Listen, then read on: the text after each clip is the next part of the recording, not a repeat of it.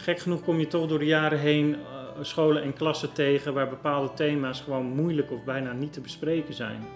En ik denk dat docenten eh, met deze methodieken die wij hanteren, wellicht wel eens wat meer handvaten zouden kunnen hebben om thema's en onderwerpen in hun klas te behandelen. Eh, meer dan dat ze nu hebben. Dit is een Nivos podcast en mijn naam is Rob van der Poel. Het komende uur luister je naar een gesprek dat ik voerde met Dominique Mol, al meer dan 25 jaar verbonden aan Theater Babel, een inclusief professioneel gezelschap Rotterdam. Babel maakt voorstellingen, doet aan talentontwikkeling, maar het hart van het werk is educatie. In 2017 bezocht ik zelf zo'n voorstelling, Het Gedroomde Café. Ik was geraakt en eigenlijk direct verkocht. En dat gebeurt vaker, zegt ook Dominique. Je ziet over het algemeen denk ik iets wat je niet eerder ergens gezien hebt. En wat maakt dat je op een andere manier naar bepaalde thematieken gaat kijken, omdat je het ziet door de ogen van iemand die echt heel anders is dan dat jij bent. En ik denk dat Babel er eh, inmiddels al heel erg goed in geslaagd is om thema's die sowieso meestal al wel gevoelig kunnen liggen in de samenleving en die best moeilijk zijn om zo waarachtig op de vloer te krijgen, dat ook nog eens te doen met een gezelschap waar uh, die waarachtigheid in de groep zelf zit. Babel werkt met professionele acteurs die jong en oud zijn, met en zonder beperking, arm en rijk, ziek en gezond, verslaafd en niet verslaafd, met verschillende afkomsten, religies en seksuele voorkeuren. Mensen die anders zijn, maar met kwetsbaarheden en gevoeligheden die van iedereen zijn. Ik via de ander dus, de naam van de meest recente voorstelling. Deze ontmoetingen leren je op een andere manier naar jezelf te kijken, maar daardoor ook naar die ander te kijken en die ander te zien. Dus ik denk dat dat een, eh, een hele mooie aanvulling is voor jongeren om uit hun schulp te kruipen en even buiten zichzelf uh, te kijken naar hoe is het nou voor een ander om te zijn wie die is. En wat vind ik daarvan en hoe wil ik daarmee omgaan en wat kan ik betekenen voor die ander, maar wat kan die ander ook betekenen voor mij? Het zijn vragen die, die je niet van nature zomaar jezelf stelt. Dus ik denk dat het heel zinvol en waardevol is voor jongeren om met die vragen aan de slag te gaan. Een wereld die geen zin heeft om de ander te begrijpen, mist alles waar het om draait. Ik wil een wereld waarin mensen die anders zijn niet worden weggestopt, maar zichtbaar zijn en meedoen. Deze woorden van grondlegger Paul Rutger op de website van Babel geven direct aan waar het om te doen is. Een inclusieve samenleving. En dat doe je vooral door het zelf te leven. Al weet je ook, zegt Dominique, dat includeren een werkwoord is. En dat het elke dag weer hard werken is. En dan hebben we het nog niet eens over de organisatorische kant ervan, want ook daar valt ook voor ons iedere dag weer opnieuw te leren hoe we dingen inclusief moeten organiseren. Op een manier dat het transparant is, dat open is, dat mensen het kunnen volgen. Uh, en ja, dat vraagt dat je vaak meer tijd moet nemen, maar ook dat je met een groot hart overal naar moet kijken. Werken aan een schoolklimaat waarin diversiteit, emancipatie en gemeenschapszin hand in hand gaan. Je gaat luisteren naar een verhaal dat nu meer dan bijna 30 jaar lang uitgedragen wordt, maar nu actueler is dan ooit. Welkom in de inclusieve wereld van Theater Babel. Ja, ik zit hier met uh, Dominique Mol in, uh, in Rotterdam, Hartje Rotterdam. Hartje Rotterdam, ja. ja, inderdaad. Vlak naast de Witte de Wit. Op de Eendrachtstraat nummer 81 zitten wij met Theater Babel Rotterdam. Ja, Theater Babel. Uh, een plek waar jullie ook heel blij mee zijn. Ja, heel erg blij. Sowieso is het een prachtig pand, monumentaal pand. Het is vroeger de gymnastiekzaal geweest en daarna heeft het al jarenlang dienst gedaan als theater, onder andere als theater Bonheur. Maar nu sinds uh, een aantal jaren wonen wij hier permanent. En we zijn ontzettend blij dat we dit ons huis mogen noemen. Omdat we met het inclusieve gezelschap het belangrijk vonden om ja, zichtbaarder in de stad te zitten. En contact te hebben met de omgeving. En op het moment dat we hier, ja, nu dan niet door de COVID-maatregelen, maar normaal gezien als wij hier een voorstelling hebben gespeeld, gaan we ook heel vaak met de spelers even een terras op. Maar zijn ook met z'n allen in dat hele inclusieve gezelschap dan in de straat zichtbaar. En ook dat draagt weer heel erg bij tot het beeld wat wij willen uitdragen, dat inclusie en kunst, uh, wat ons betreft, ontzettend belangrijk is en essentieel is en zichtbaar moet zijn. Ja, de buurt kent jullie en jullie kennen de buurt ook wel een beetje? Ja, steeds beter. Uh, natuurlijk zijn er nog wel eens mensen die uh, ineens aanbellen of aankloppen en ook gewoon komen vragen: God, wat doen jullie nu eigenlijk? Maar steeds meer mensen kennen ons echt en hebben het over ons. En Uh, we houden de buurt ook op de hoogte met, met briefjes die we in de brievenbussen doen. Op het moment dat het dadelijk weer mag, willen we ook heel graag activiteiten voor de omgeving organiseren en de buurtbewoners echt dus in het bijzonder uitnodigen om echt kennis te maken. Maar daar hebben we nu de gelegenheid helaas niet voor. Maar nee, de contact met de omgeving is heel belangrijk. Um, en het is heel fijn om in een centrale, druk bezochte plek in de stad te zitten. Ja. ja. Dominique, jij bent hier uh, al heel lang aan verbonden en je bent, als ik het goed heb, momenteel eigenlijk, ja, heb je de dagelijkse leiding van het, van het inmiddels groeiende en groeiende theatergezelschap. Wat ja, zo, wij noemen dat dan, ik ben lid van de dagelijkse leiding, noemen wij dat. Want ik ben niet in mijn eentje de dagelijkse leiding, maar ik ben daar wel lid van inderdaad. De directeur-bestuur is Paul Rutger. Hij, uh, en hij is ook regisseur van één grote productie per jaar. Maar dit jaar voor het eerst hebben we ook nieuwe makers in huis. Maar samen met Paul um, en uh, Brecht Hermans, die met name verantwoordelijk is dan voor de educatie. Wij met z'n drieën praten vooral over de dagelijks gang van zaken en hoe het allemaal gaat. En hoe we het beleid wat we bedacht in dat mooie cultuurplan wat je in je hand hebt, gaan uitvoeren en in de praktijk gaan brengen. En hebben we natuurlijk ook nog andere collega's om ons heen die ons daar ook bij ondersteunen. Maar dat is inderdaad voor ons, dat is voor Babel de dagelijkse leiding. Ja, ja. Want, want jullie, ik, ik heb dat natuurlijk aan de lijve zelf al een beetje mogen ervaren, want ik heb een aantal voorstellingen van jullie gezien. Maar jullie zijn veel meer dan een, dan een, dan een theatergezelschap. Jullie hebben een aantal doelen, als ik het zo mag noemen, ambities, maar die ook in dit meerjarenplan terug, terugkeren. Ik lees, jullie, jullie doen aan theaterproducties, ja. jullie doen aan talentontwikkeling, maar het hart van jullie werk is de educatie. Ja, en de hart van ons werk is educatie. Hebben we, uh, dat hebben we echt zo opgeschreven in het cultuurplan, omdat wij educatie in die zin heel breed hebben geïnterpreteerd. En uh, educatie denkt men in eerste instantie natuurlijk vaak aan uh, nou ja, cursussen of opleidingen. of in het geval van de gemeente is de educatieterminologie vooral gericht op het onderwijs en zorgen dat kunstonderwijs op de scholen komt.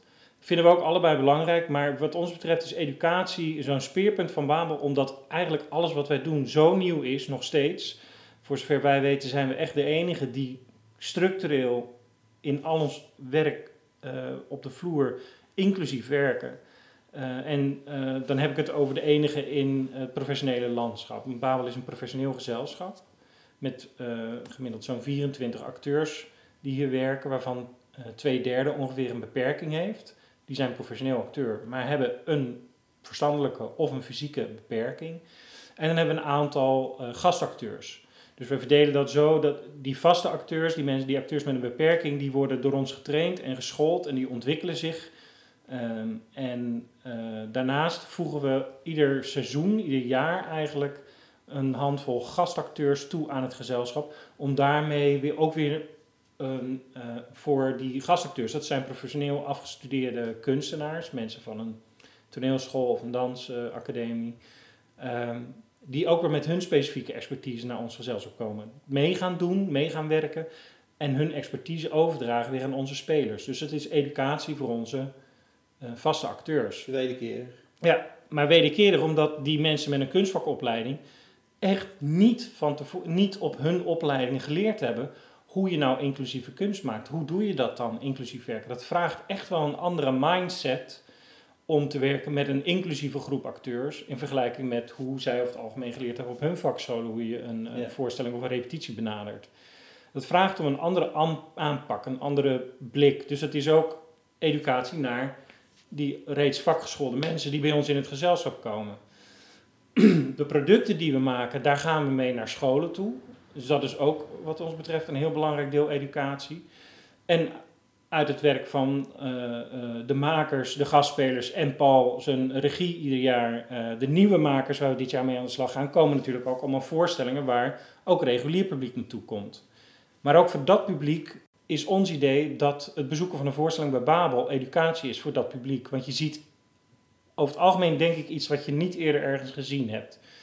En wat maakt dat je op een andere manier naar bepaalde thematieken gaat kijken, omdat je het ziet door de ogen van iemand die echt heel anders is dan dat jij bent. En ik denk dat Babel er eh, inmiddels al heel erg goed in geslaagd is om thema's die sowieso meestal al wel gevoelig kunnen liggen in de samenleving en die best moeilijk zijn om zo waarachtig op de vloer te krijgen, dat ook nog eens te doen met een gezelschap waar uh, die waarachtigheid in de groep zelf zit. Want we kiezen vaak onderwerpen en thema's en gaan dan met spelers in gesprek over wat die thema's met hen zelf te maken hebben. En vanuit die uitgangspunten worden die voorstellingen gemaakt.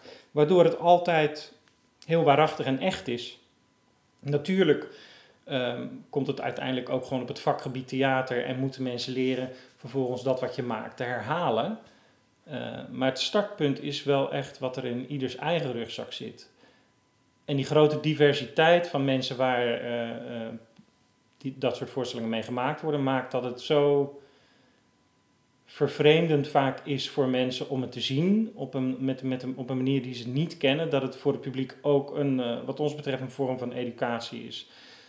Um, qua thematiek, maar ook qua educatie, omdat we hopen dat mensen overtuigd raken van het feit dat inclusieve kunst ook echt een waarachtige toevoeging is aan uh, het professionele kunstveld dat is niet iets wat uh, vanzelfsprekend is, helaas. Want nee. we moeten enorm knokken tegen het stigma dat, me, dat we weggezet worden als uh, een amateurgezelschap, dat we niet zijn.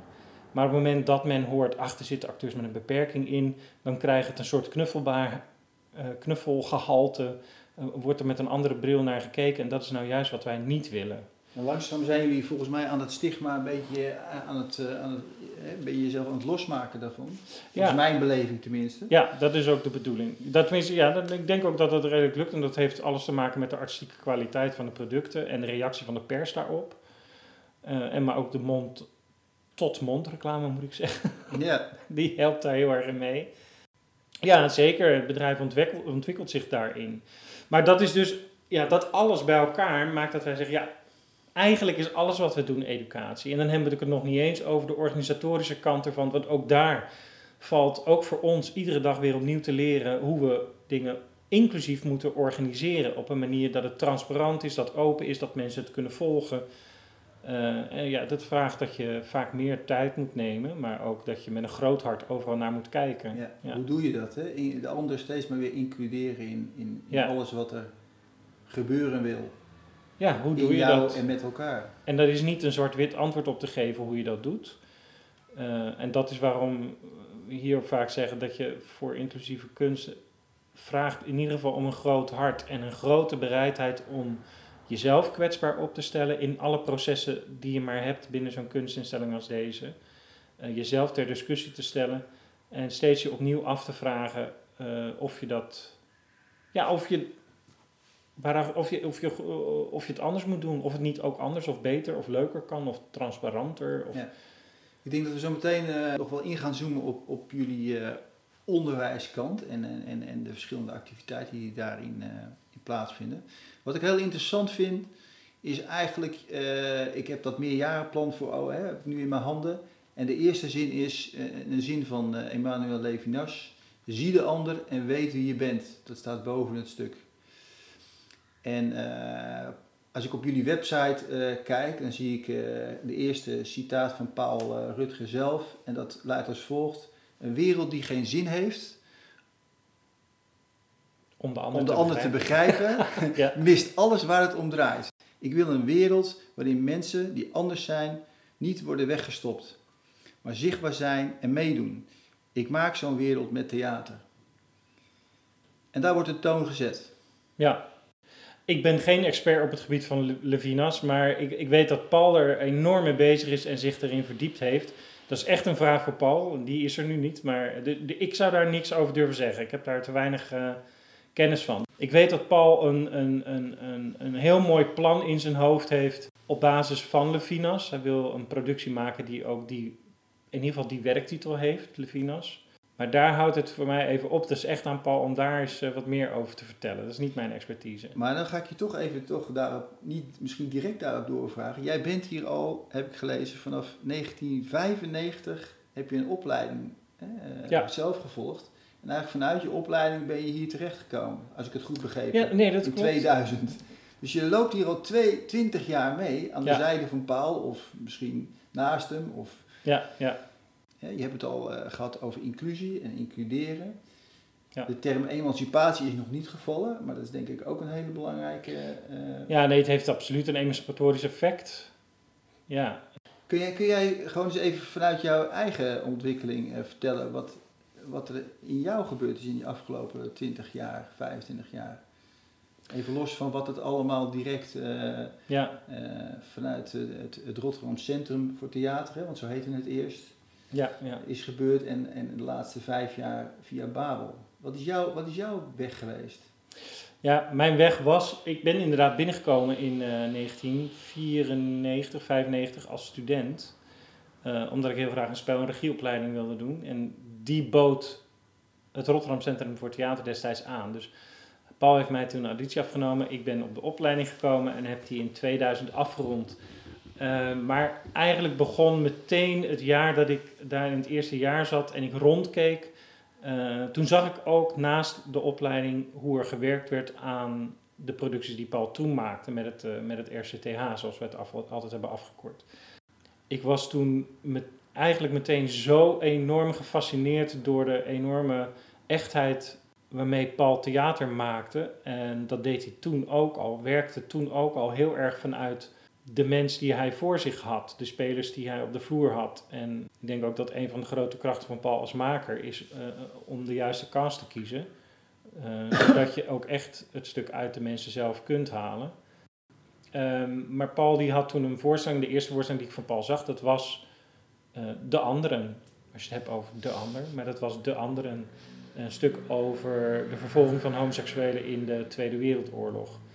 En ehm, ja, dat was voor mij een mind-blowing ervaring. Ik weet even het Nederlandse woord er niet voor.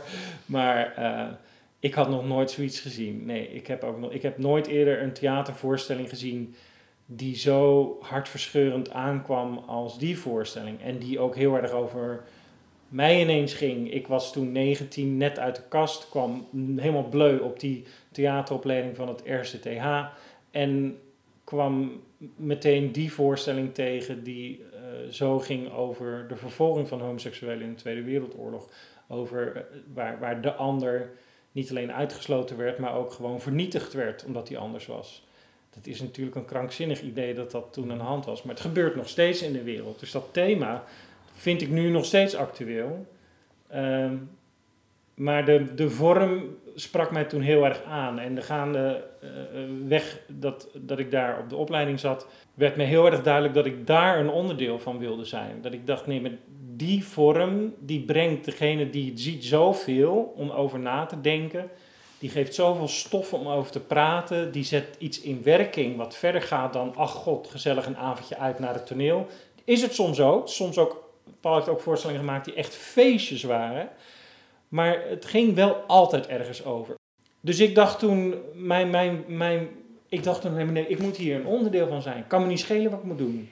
Dus ik heb ook echt vanaf dag één dat ik daar was, alles wat ik maar kon doen, aangepakt. Al moest ik de wc schrobben, de vloeren schoonmaken, de aardappels schillen, helpen met het afwassen. Je wilde er zijn. Ik wilde er zijn en het maakte Ja. me niet uit hoe. En dat is toen gezien, denk ik, door Paul. Dus toen ik klaar was met de opleiding, zei hij redelijk snel en, eh, eh, van, goh, wil je niet eens voor ons komen werken? En ik ben toen begonnen met een, met, eh, eh, een kindervoorstelling te spelen. Die ook weer heel erg ging over anders zijn. Dat, die voorstelling heette Krommehoek. Een, een voorstelling die wij gespeeld hebben op basisscholen. Waarin ik als Hollandse knul bevriend raak met een meisje, met een Turks meisje. Ik kom van het platteland, zij komt uit Turkije. Allebei nieuw in de stad. En die begrepen elkaar totaal niet. Maar gaandeweg dat stuk ontstaat er een enorm hechte vriendschap. Juist zodat ze leren elkaars verschillen te waarderen. En dat vond ik ook een voorstelling waar, die me heel nauw aan het hart lag. En waar echt eh, ik nog lang op heb kunnen teren. Omdat ik heel lang herkend ben in de wijk Delfshaven waar we dat speelden. dus heel veel kinderen zagen mij als hun grootste vriend als ik over straat fietste, zwaaiend. En, eh, doen. en die, maar die gedachte daarachter die heeft zich door de jaren heen bij het RCH altijd verder ontwikkeld. En eh, bij Paul is het een hele mooie stijgende lijn, vind ik, van toen naar nu. Dat is, eh, op een gegeven moment is dat overgegaan naar een aantal producties die we zijn gaan maken in co-productie. En dat begon met een co-productie met Humanitas. En Humanitas, voor de mensen die dat niet kennen, zijn, eh, is een, een, een instelling die zich met name bezighoudt met ouderenzorg in Rotterdam. Grote huizen heeft.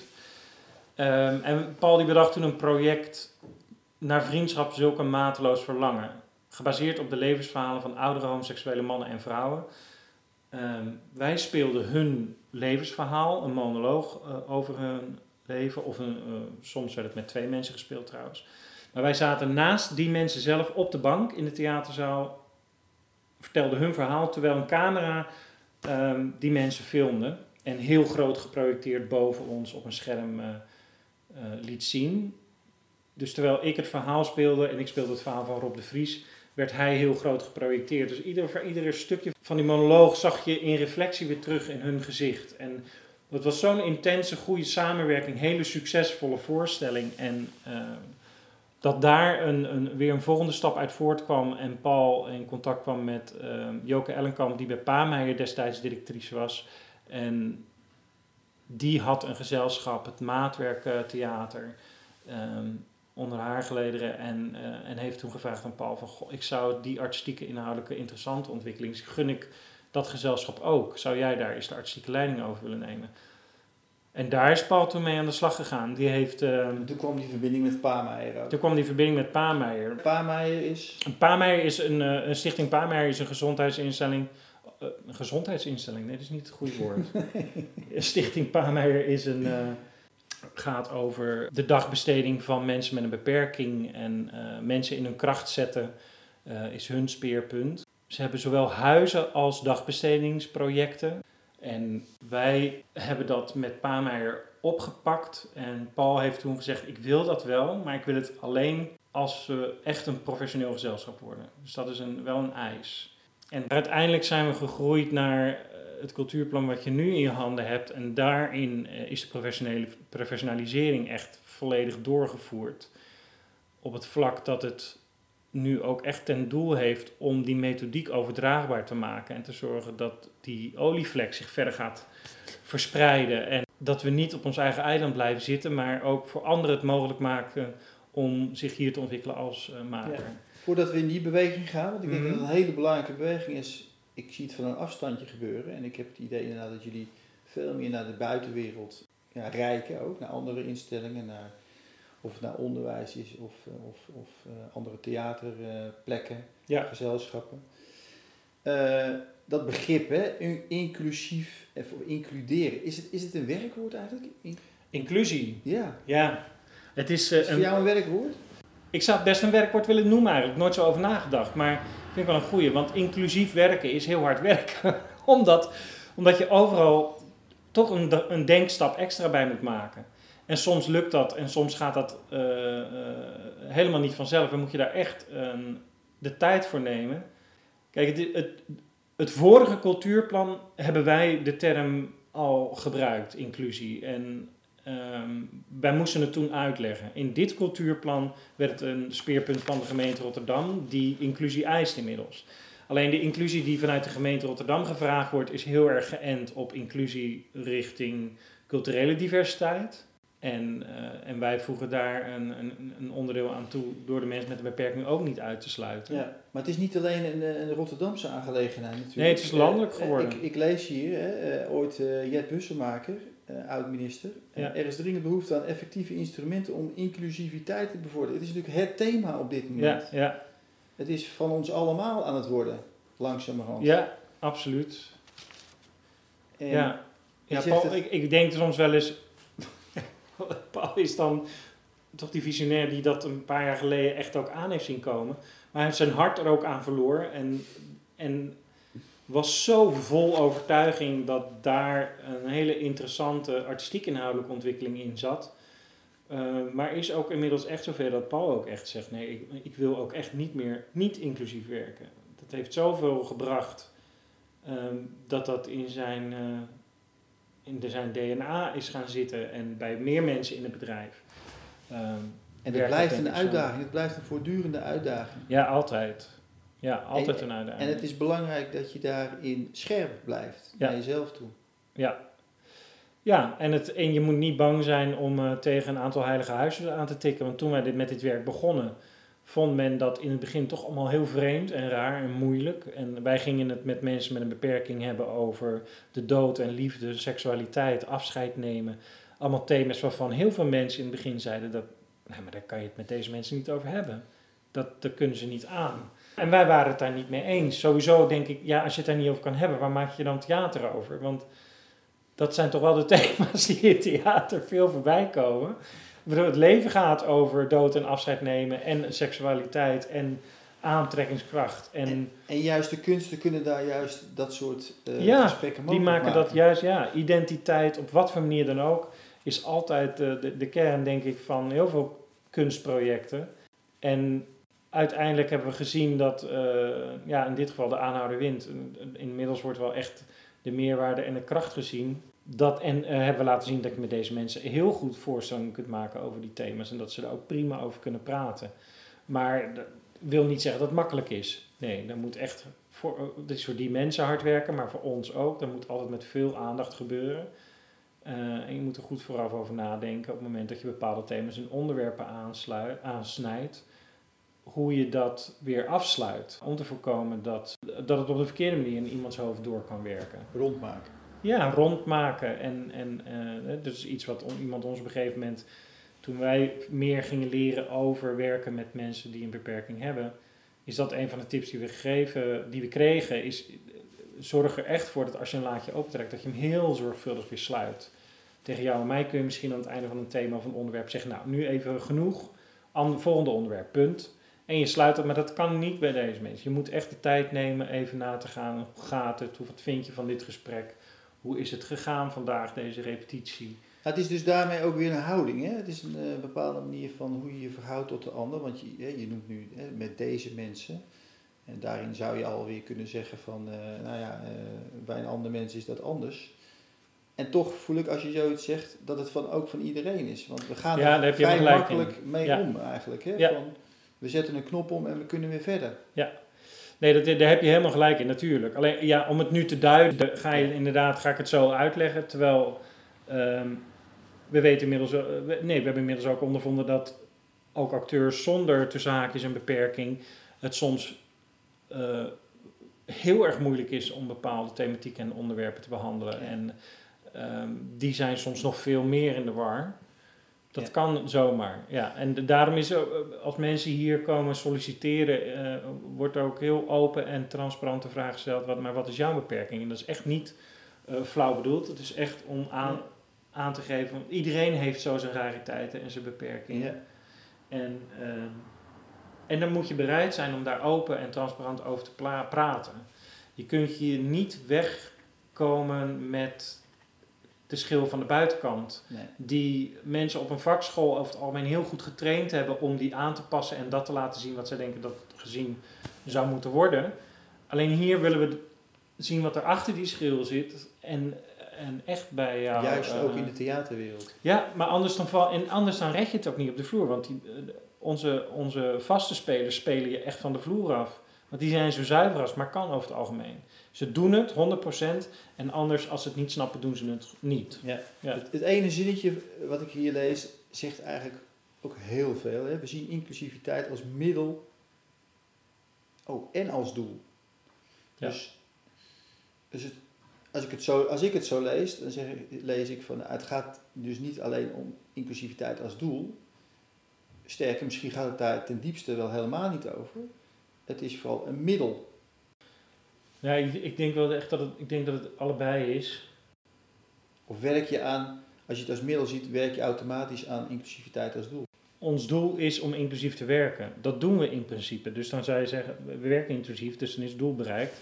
Maar dat blijft een voortdurende zoektocht naar. Want er is geen zwart-wit antwoord op wat dat nou precies is, inclusief werken. Ja. Dat, het is namelijk meer een mindset waarin je iedere dag weer probeert fris en vers te kijken naar dat wat je moet doen en de juiste vraagtekens daar allemaal bij stelt. En, en het allemaal niet zomaar standaard op dezelfde manier blijft uitvoeren. Je moet het de hele tijd ter discussie te stellen. En de ander daarin toe te laten. En de ander daarin toelaten. Dus dat, dat doel moet je maar moet je steeds blijven nastreven. Ja, het is ook een middel ik denk vooral dat het een middel is om bij waarachtiger theater terecht te komen. Ja. Ik zie ook een andere, dat, heb je ook, dat raak je ook wel een beetje aan, het begrip weerstand. Het omgaan met weerstand. Zie je dat ook zo als een, als een, als een heel fundamenteel iets uh, in, in jullie werk en misschien ook wel in een toekomstige samenleving? Ik denk dat het in eerste instantie gaat om je eigen weerstand.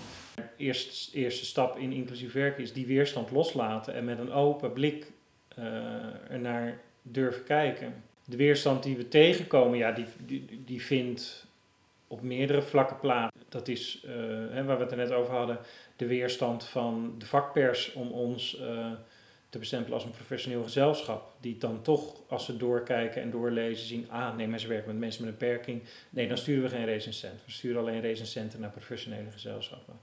Dat is, dat is al een weerstand waar we mee blijven worstelen. Mm -hmm.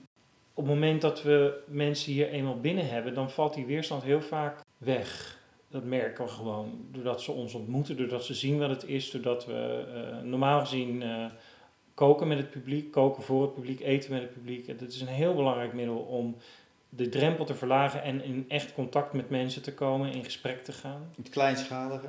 Ja, dat kleinschalige. En een, ja, een, een manier om dat te bewerkstelligen is ook wel echt de keuze voor dat kleinschalige. We zullen met Babel niet gaan spelen voor een zaal van duizend man publiek. Want dan verlies je volledig dat uh, waarachtig contact. Dan kan je als publiek ook in die veilige duisternis van de zaal blijven zitten en kijken naar iets wat ver voor jou op het toneel afspeelt.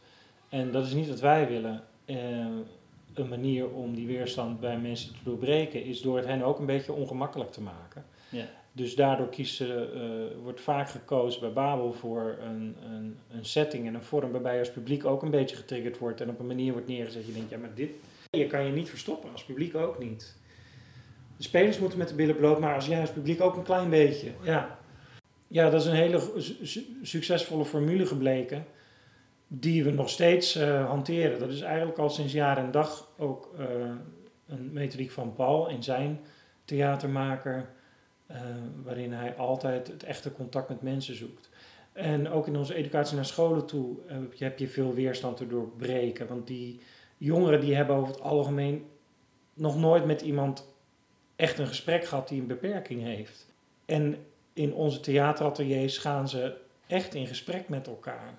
Dan worden thema's neergelegd en gespeeld door onze spelers voor zo'n klas waar in het begin echt ontzettend veel weerstand kan bestaan in een klas. Als het goed gaat, dan breekt die weerstand redelijk snel. Want ze herkennen ineens iets zichzelf in iemand die totaal anders is dan zijzelf. En dat triggert blijkbaar uh, en wekt ook empathie op. En maakt dat men, uh, ja, dat die jongeren toch wel echt moeite willen doen om uh, dat gesprek eens aan te gaan.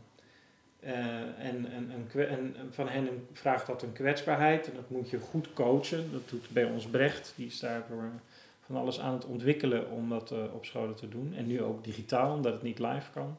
Dus ja, er zijn heel veel plekken waar je op weerstand stuit. Uh, vanuit de zorgsector zelf stuit je soms op weerstand, omdat de denkwijze van de zorg wat wel en niet kan soms echt heel anders is dan wat wij denken wat wel en niet kan. En wat nodig is om iemand te stimuleren en uit te dagen en te zorgen dat ook onze vaste spelers hun grenzen verleggen en zich verder ontwikkelen. Dat het vraagt om een stevige aanpak en dat kan. Die mensen kunnen, onze spelers kunnen allemaal keihard werken en willen zich allemaal ontwikkelen. En die willen alles doen op de vloer. Die emanciperende kracht, hè, ook door het inclusief werken, is natuurlijk heel goed zichtbaar in jullie, in, jullie, eh, in, in de mensen die op dit moment het, het gezelschap vormen. Ja, en, fijn. Ja, en ja, waarschijnlijk ook de mensen eromheen. Ja. Als je dan, eh, je vertelt wel een beetje in die scholen, dan, dan, dan een appel gedaan op de ontmoeting. Van hey, hoe, hoe, ja. hoe blanco kun je kijken of niet naar een ander? Het is heel confronterend. Ja. Hoe belangrijk is dit voor, voor, voor, voor kinderen, opgroeiende kinderen? Ik denk dat het uh, essentieel is. Dus als je, dat je als jong mens hier een keer mee geconfronteerd wordt, het liefst een aantal keren uh, omdat het zoveel leert ook over wie je zelf bent. Um, door te luisteren naar die ander. En zeker hele jonge mensen zijn over het algemeen gewoon wat meer op zichzelf gefocust. Dat hoort ook wel bij die fase in je leven, denk ik. Als je een jonge nog puberende schoolgaande eh, jongen of meid bent, dan is je focus vooral op jezelf.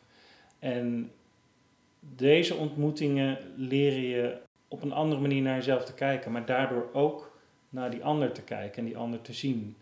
Dus ik denk dat dat een, eh, een hele mooie aanvulling is voor jongeren om uit hun schulp te kruipen en even buiten zichzelf uh, te kijken naar hoe is het nou voor een ander om te zijn wie die is. Ja. En wat vind ik daarvan en hoe wil ik daarmee omgaan en wat kan ik betekenen voor die ander, maar wat kan die ander ook betekenen voor mij. Ja. Het zijn vragen die, die je niet van nature zomaar jezelf stelt. Dus ik denk dat het heel zinvol en waardevol is voor jongeren om met die vragen aan de slag te gaan. Jullie hebben een aantal scholen waar jullie echt wel een duurzamere uh, samenwerking mee hebben. Ik, ik, zag er vijf staan. En dat zijn, valt mij op, een aantal scholen. Dat zijn ook niet de makkelijkste tussen haakjes uh, nee. contexten. Het is speciaal onderwijs, het is praktijkonderwijs. Ja. Is dat niet toevallig? Ja, we zijn een van de weinigen blijkbaar die echt, uh, hadden we het laatst nog over met iemand bij LKCA, die zei ja, jullie zijn eigenlijk een van de weinigen, en zo niet de enige, die echt specifiek uh, educatieve trajecten ontwikkelt voor het speciaal onderwijs. Um, dat we dat doen heeft natuurlijk ook wel ermee te maken dat we willen dat daar de mensen die op, die op dat speciaal onderwijs zitten, want dat kunnen zomaar mensen zijn die als ze daar klaar zijn, ehm, in de dagbesteding terechtkomen. Uh, en, uh, en misschien potentieel ook speler bij ons worden. Dat zou zomaar kunnen. En wij vonden het heel erg belangrijk om um, ook daar de jongeren te laten zien wat, een, uh, wat hun mogelijkheden zijn. Weet je, het, het geeft natuurlijk een heel positief voorbeeld over kansen voor mensen die op wat voor manier dan ook beperkt zijn, die zich wel gewoon professioneel kunnen inzetten voor in dit geval theater. En tegelijkertijd brengen we ook daar weer thema's te sprake die ook op die speciaal onderwijsscholen voor die scholen zelf ontzettend moeilijk zijn om te behandelen.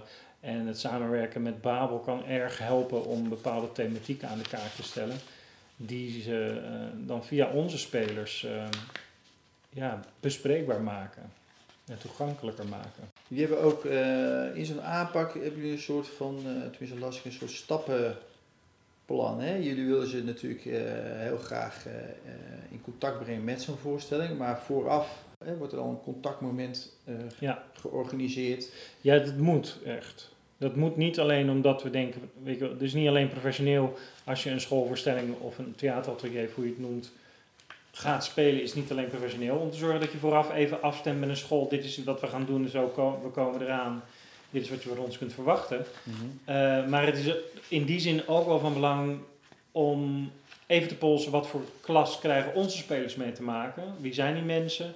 Uh, en, en ook wel, een, je moet wel even een risicoanalyse maken uh, om te bekijken of het allemaal matcht met elkaar. Of dat je misschien toch eerst even een één op één les van onze vakmensen moet doen om een klas goed voor te bereiden.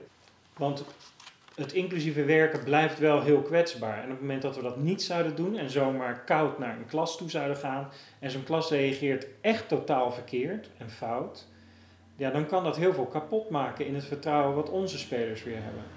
En dat wil niet zeggen dat als we er naartoe gaan dat het nooit eens misgaat in zo'n klas, want het natuurlijk gebeurt daar, valt er wel eens iets voor, of schiet iemand uit zijn slof, of eh, is er iets wat die mensen die komen hebben ook allemaal een leven waarvan wij allemaal niet weten wat er invloed heeft op die dag dat ze ons dan ontmoeten.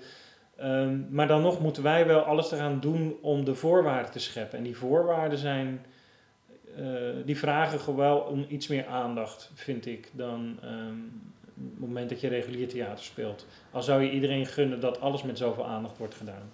Maar in dit geval is het echt noodzakelijk, ook om de veiligheid van onze spelers te, te kunnen garanderen, voor zover dat kan. Ja. ja. Nu werken jullie dan, ja, jullie werken met die klassen, met die, met die leerlingen. Wat is de impact op de docent geschiedenis? Of de, een basisschoolleerkracht als die zich hier, als die hier instapt of met een docententeam instapt? Ja, het, effect zou kunnen zijn dat je met elkaar weer even opnieuw leert te kijken naar die inclusieve werkwijze en denkwijze. Gek genoeg kom je toch door de jaren heen scholen en klassen tegen waar bepaalde thema's gewoon moeilijk of bijna niet te bespreken zijn.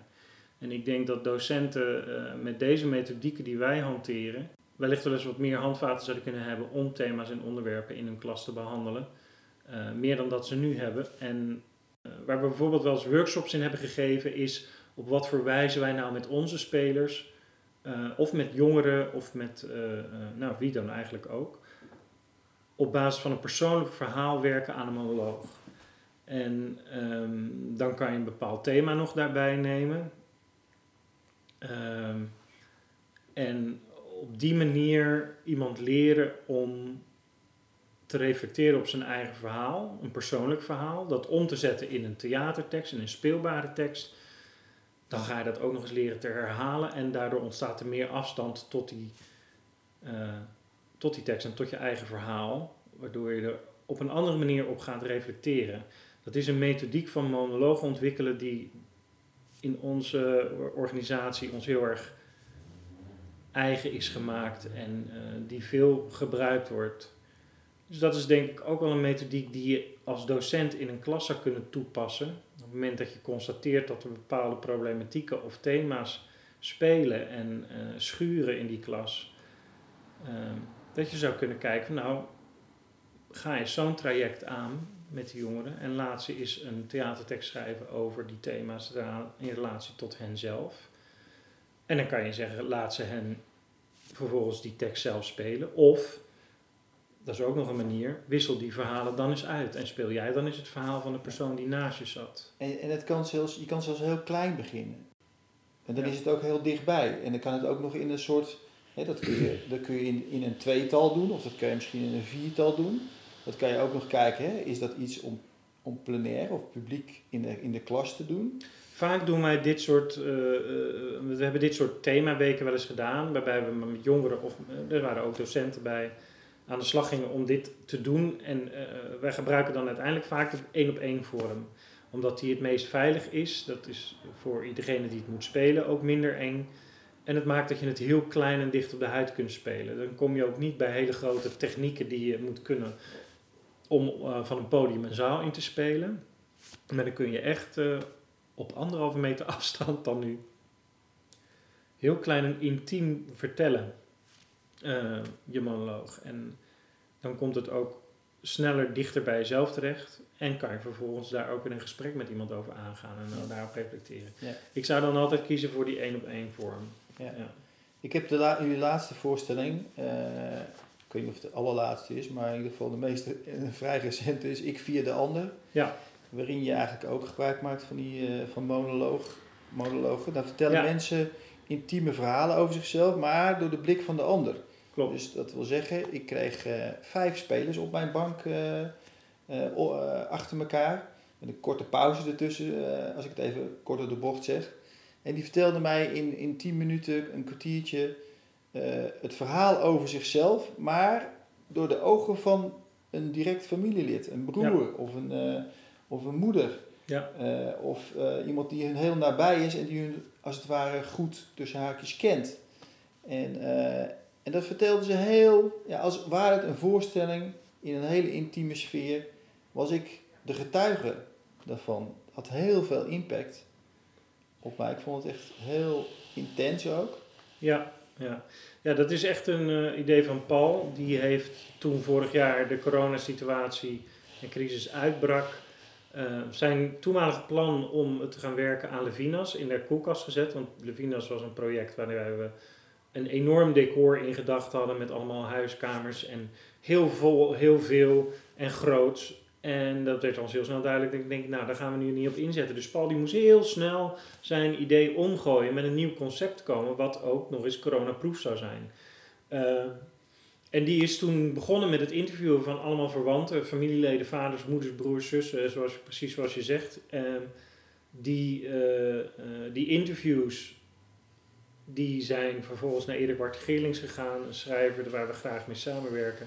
En die heeft samen met Paul al die interviews bewerkt tot monologen. En inderdaad, degene die dan tegenover je zit, vertelt, speelt vervolgens eh, het verhaal van zijn vader of moeder. Dus de eerste zin van eigenlijk iedereen, bijvoorbeeld als ik zou spelen, zou kunnen zeggen: eh, Paul heeft mijn eh, vader geïnterviewd en ik speel wat mijn vader over mij heeft verteld. En vervolgens begin ik aan de tekst. En op een klein videoschermpje achter me zie je vervolgens ook de beelden van dat interview van de persoon die dan, uh, daarvoor geïnterviewd is. Het bleek in het begin best wel ingewikkeld, omdat mensen zeggen, hoe speel je dat nu?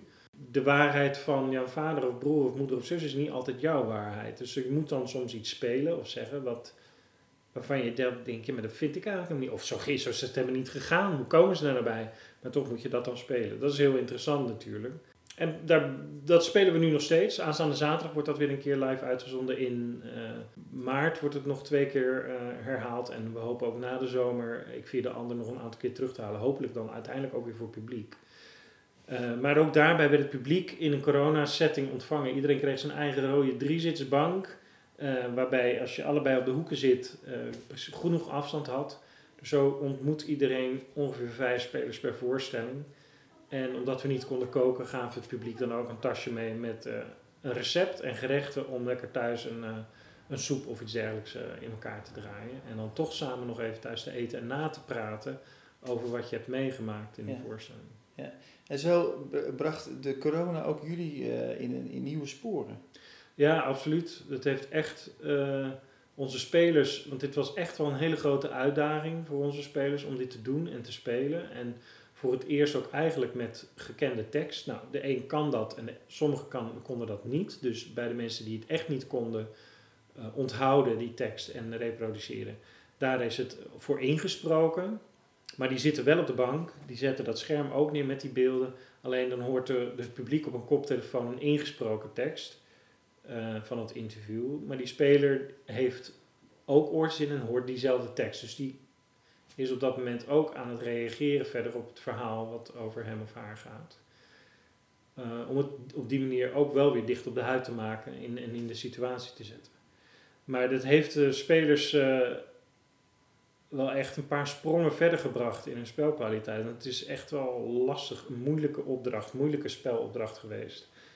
Maar ze kunnen het allemaal uiteindelijk. En um, we hebben ook zoveel nieuws weer gezien en geleerd over de mensen door deze verhalen, die je niet te weten komt als je daar alleen maar met de mensen zelf praat.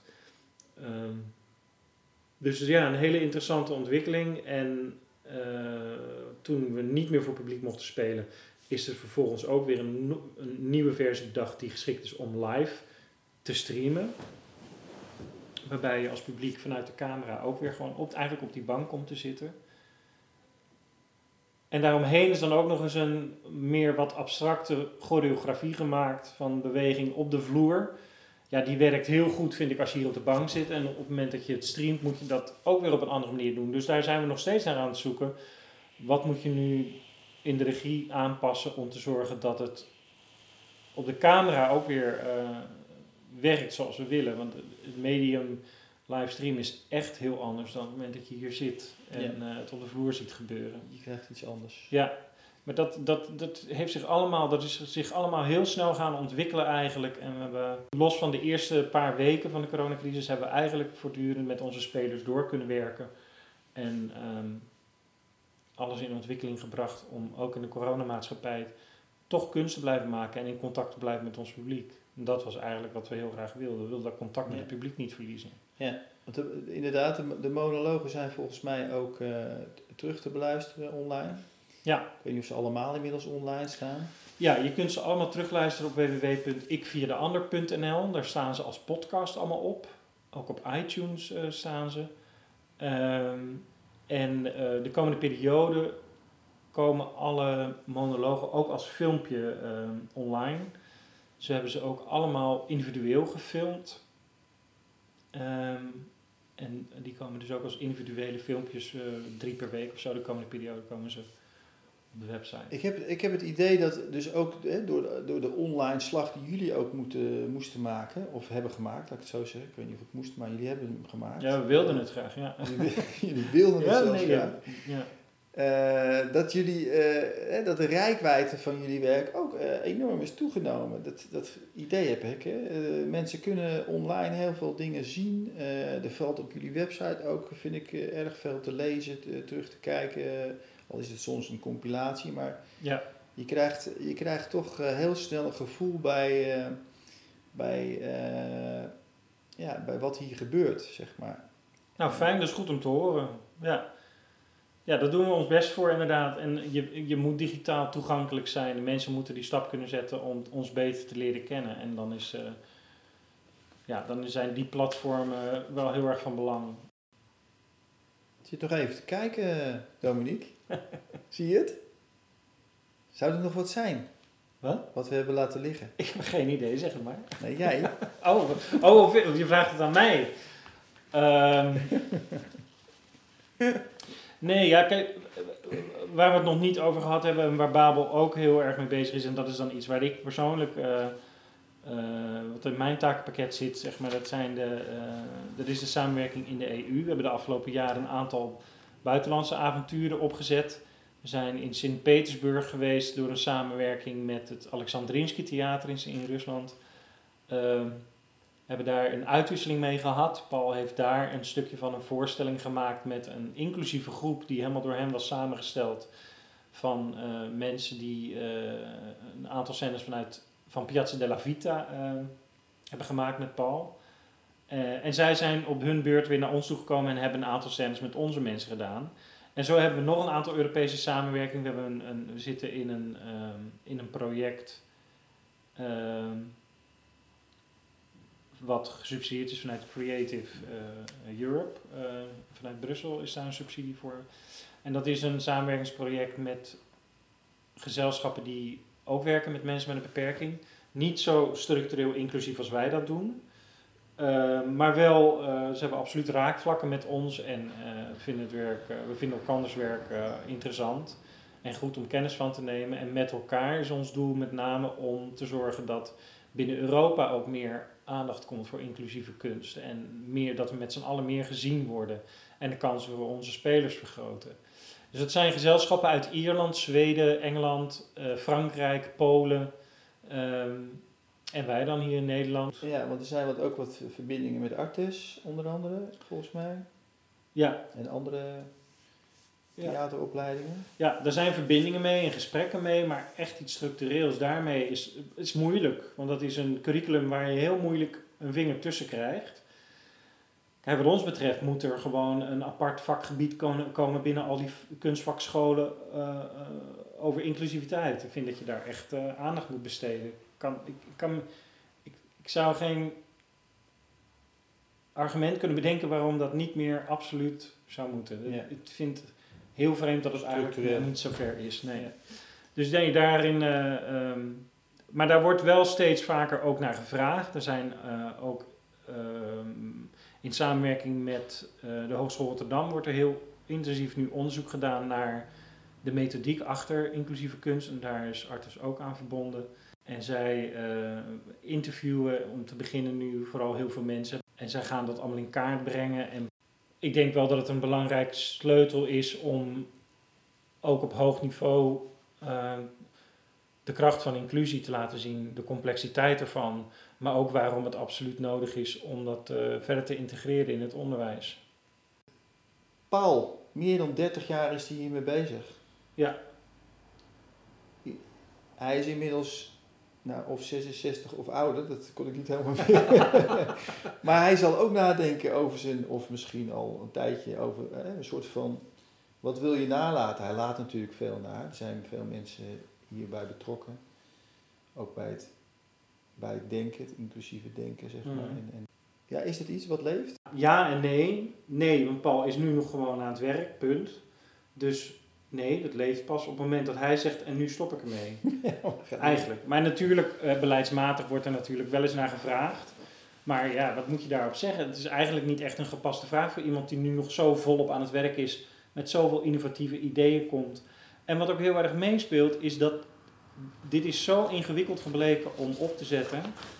Zonder die 30 jaar voorgeschiedenis van het begin van het RCTH, met alles wat daar gebeurd is, te veel om op te noemen, tot aan het begin van Babel, zonder die voorgeschiedenis, zonder het vertrouwen van de gemeente in Paul als maker en artistiek leider, had Babel nooit van de grond gekomen zoals het nu uh, is uh, ontstaan. En er zijn risico's genomen op vlakken uh, waar we anders echt tussen de wal en het schip waren gevallen. En daar is al die kennis en eh, al dat voorwerk al die jaren gewoon voor nodig geweest. Er zijn echt een aantal dingen bij elkaar gekomen. En in die kracht zitten we nu nog steeds. Babel is ver en heeft zich inmiddels behoorlijk ontwikkeld. Het nieuwe cultuurplan is er met name voor bedoeld om op artistiek niveau uh, ook mensen zich te laten ontwikkelen als makers. Dus daarmee wordt natuurlijk wel al een beetje naar buiten gekeken van nou, het moet niet meer alleen van Paul afhankelijk zijn. Dat moet ook niet. Het zou niet goed zijn, niet gezond zijn voor het bedrijf. Dus daarom zijn er nu uh, trajecten ingezet om nieuwe makers zich uh, te laten ontwikkelen. En laten we hopen dat er eens een keer iemand ja. uitkomt waar we zeggen, nou die is zo goed, laten we die een keer dan die grote productie maken. Ja. En jij zelf? Je bent ook vergroeid. Ja, ik ga nog niet met pensioen hoor. is nee, er ja, is er nog een ander leven mogelijk? Ja hoor, er is nog wel een ander leven mogelijk. En daar denk ik ook wel eens over na. Want soms denk ik, ja, ik ben hier ook al zo lang. Misschien is het ook wel eens goed dat ik plek maak voor een ander om zich daar weer verder in te ontwikkelen. Ja, daar hebben we het intern altijd over. Is het nog goed om te blijven of niet? Waar moeten we ons in ontwikkelen? Het is echt wel de bedoeling nu, uh, nieuw beleid van de afgelopen tijd, dat iedereen die hier werkt zich laat scholen en op de een of andere manier uh, keuzes maakt waarin hij of zij zich verder wil ontwikkelen. Om uh, ook daarmee het bedrijf weer te laten groeien en zich een nieuwe kwaliteit in huis te halen. Maar ook omdat er van iedereen en ook van onze vaste acteurs gevraagd wordt om uh, doelen te stellen. En wat, wat, wat wil je in de toekomst? Waar wil je naartoe groeien? Niet stilstaan, maar vooruitdenken en een volgende stap zetten. En of dat hier is of bij Babel, dat is aan ieder zelf, denk ik. Maar uh, binnen Babel worden die mogelijkheden in ieder geval volop geboden. Ja. ja. ja. Mooi. Nou, dankjewel, Dominique. Alsjeblieft. Ik, uh, zijn we rond? Ja, wat mij betreft wel. en ik moet ook door naar... ja, ik moet ook door. Dus. Oké, okay, nee, dankjewel. Dit was weer een aflevering uit de Nivos podcastserie over de plek van de kunsten in onderwijs en pedagogiek. Dank voor het luisteren. Wil je meer van Theater Babel weten, horen of zien, dan verwijs ik naar hun website theaterbabelrotterdam.nl. Er staat veel materiaal op. Wil je andere Nivos podcasts beluisteren, dan kun je terecht op ons eigen podcastkanaal, maar ook op Spotify en Apple Podcasts. Nivos sterkt leraren en schoolleiders bij de uitvoering van hun pedagogische opdracht. Meer over ons en onze activiteiten vind je op www.nivos.nl.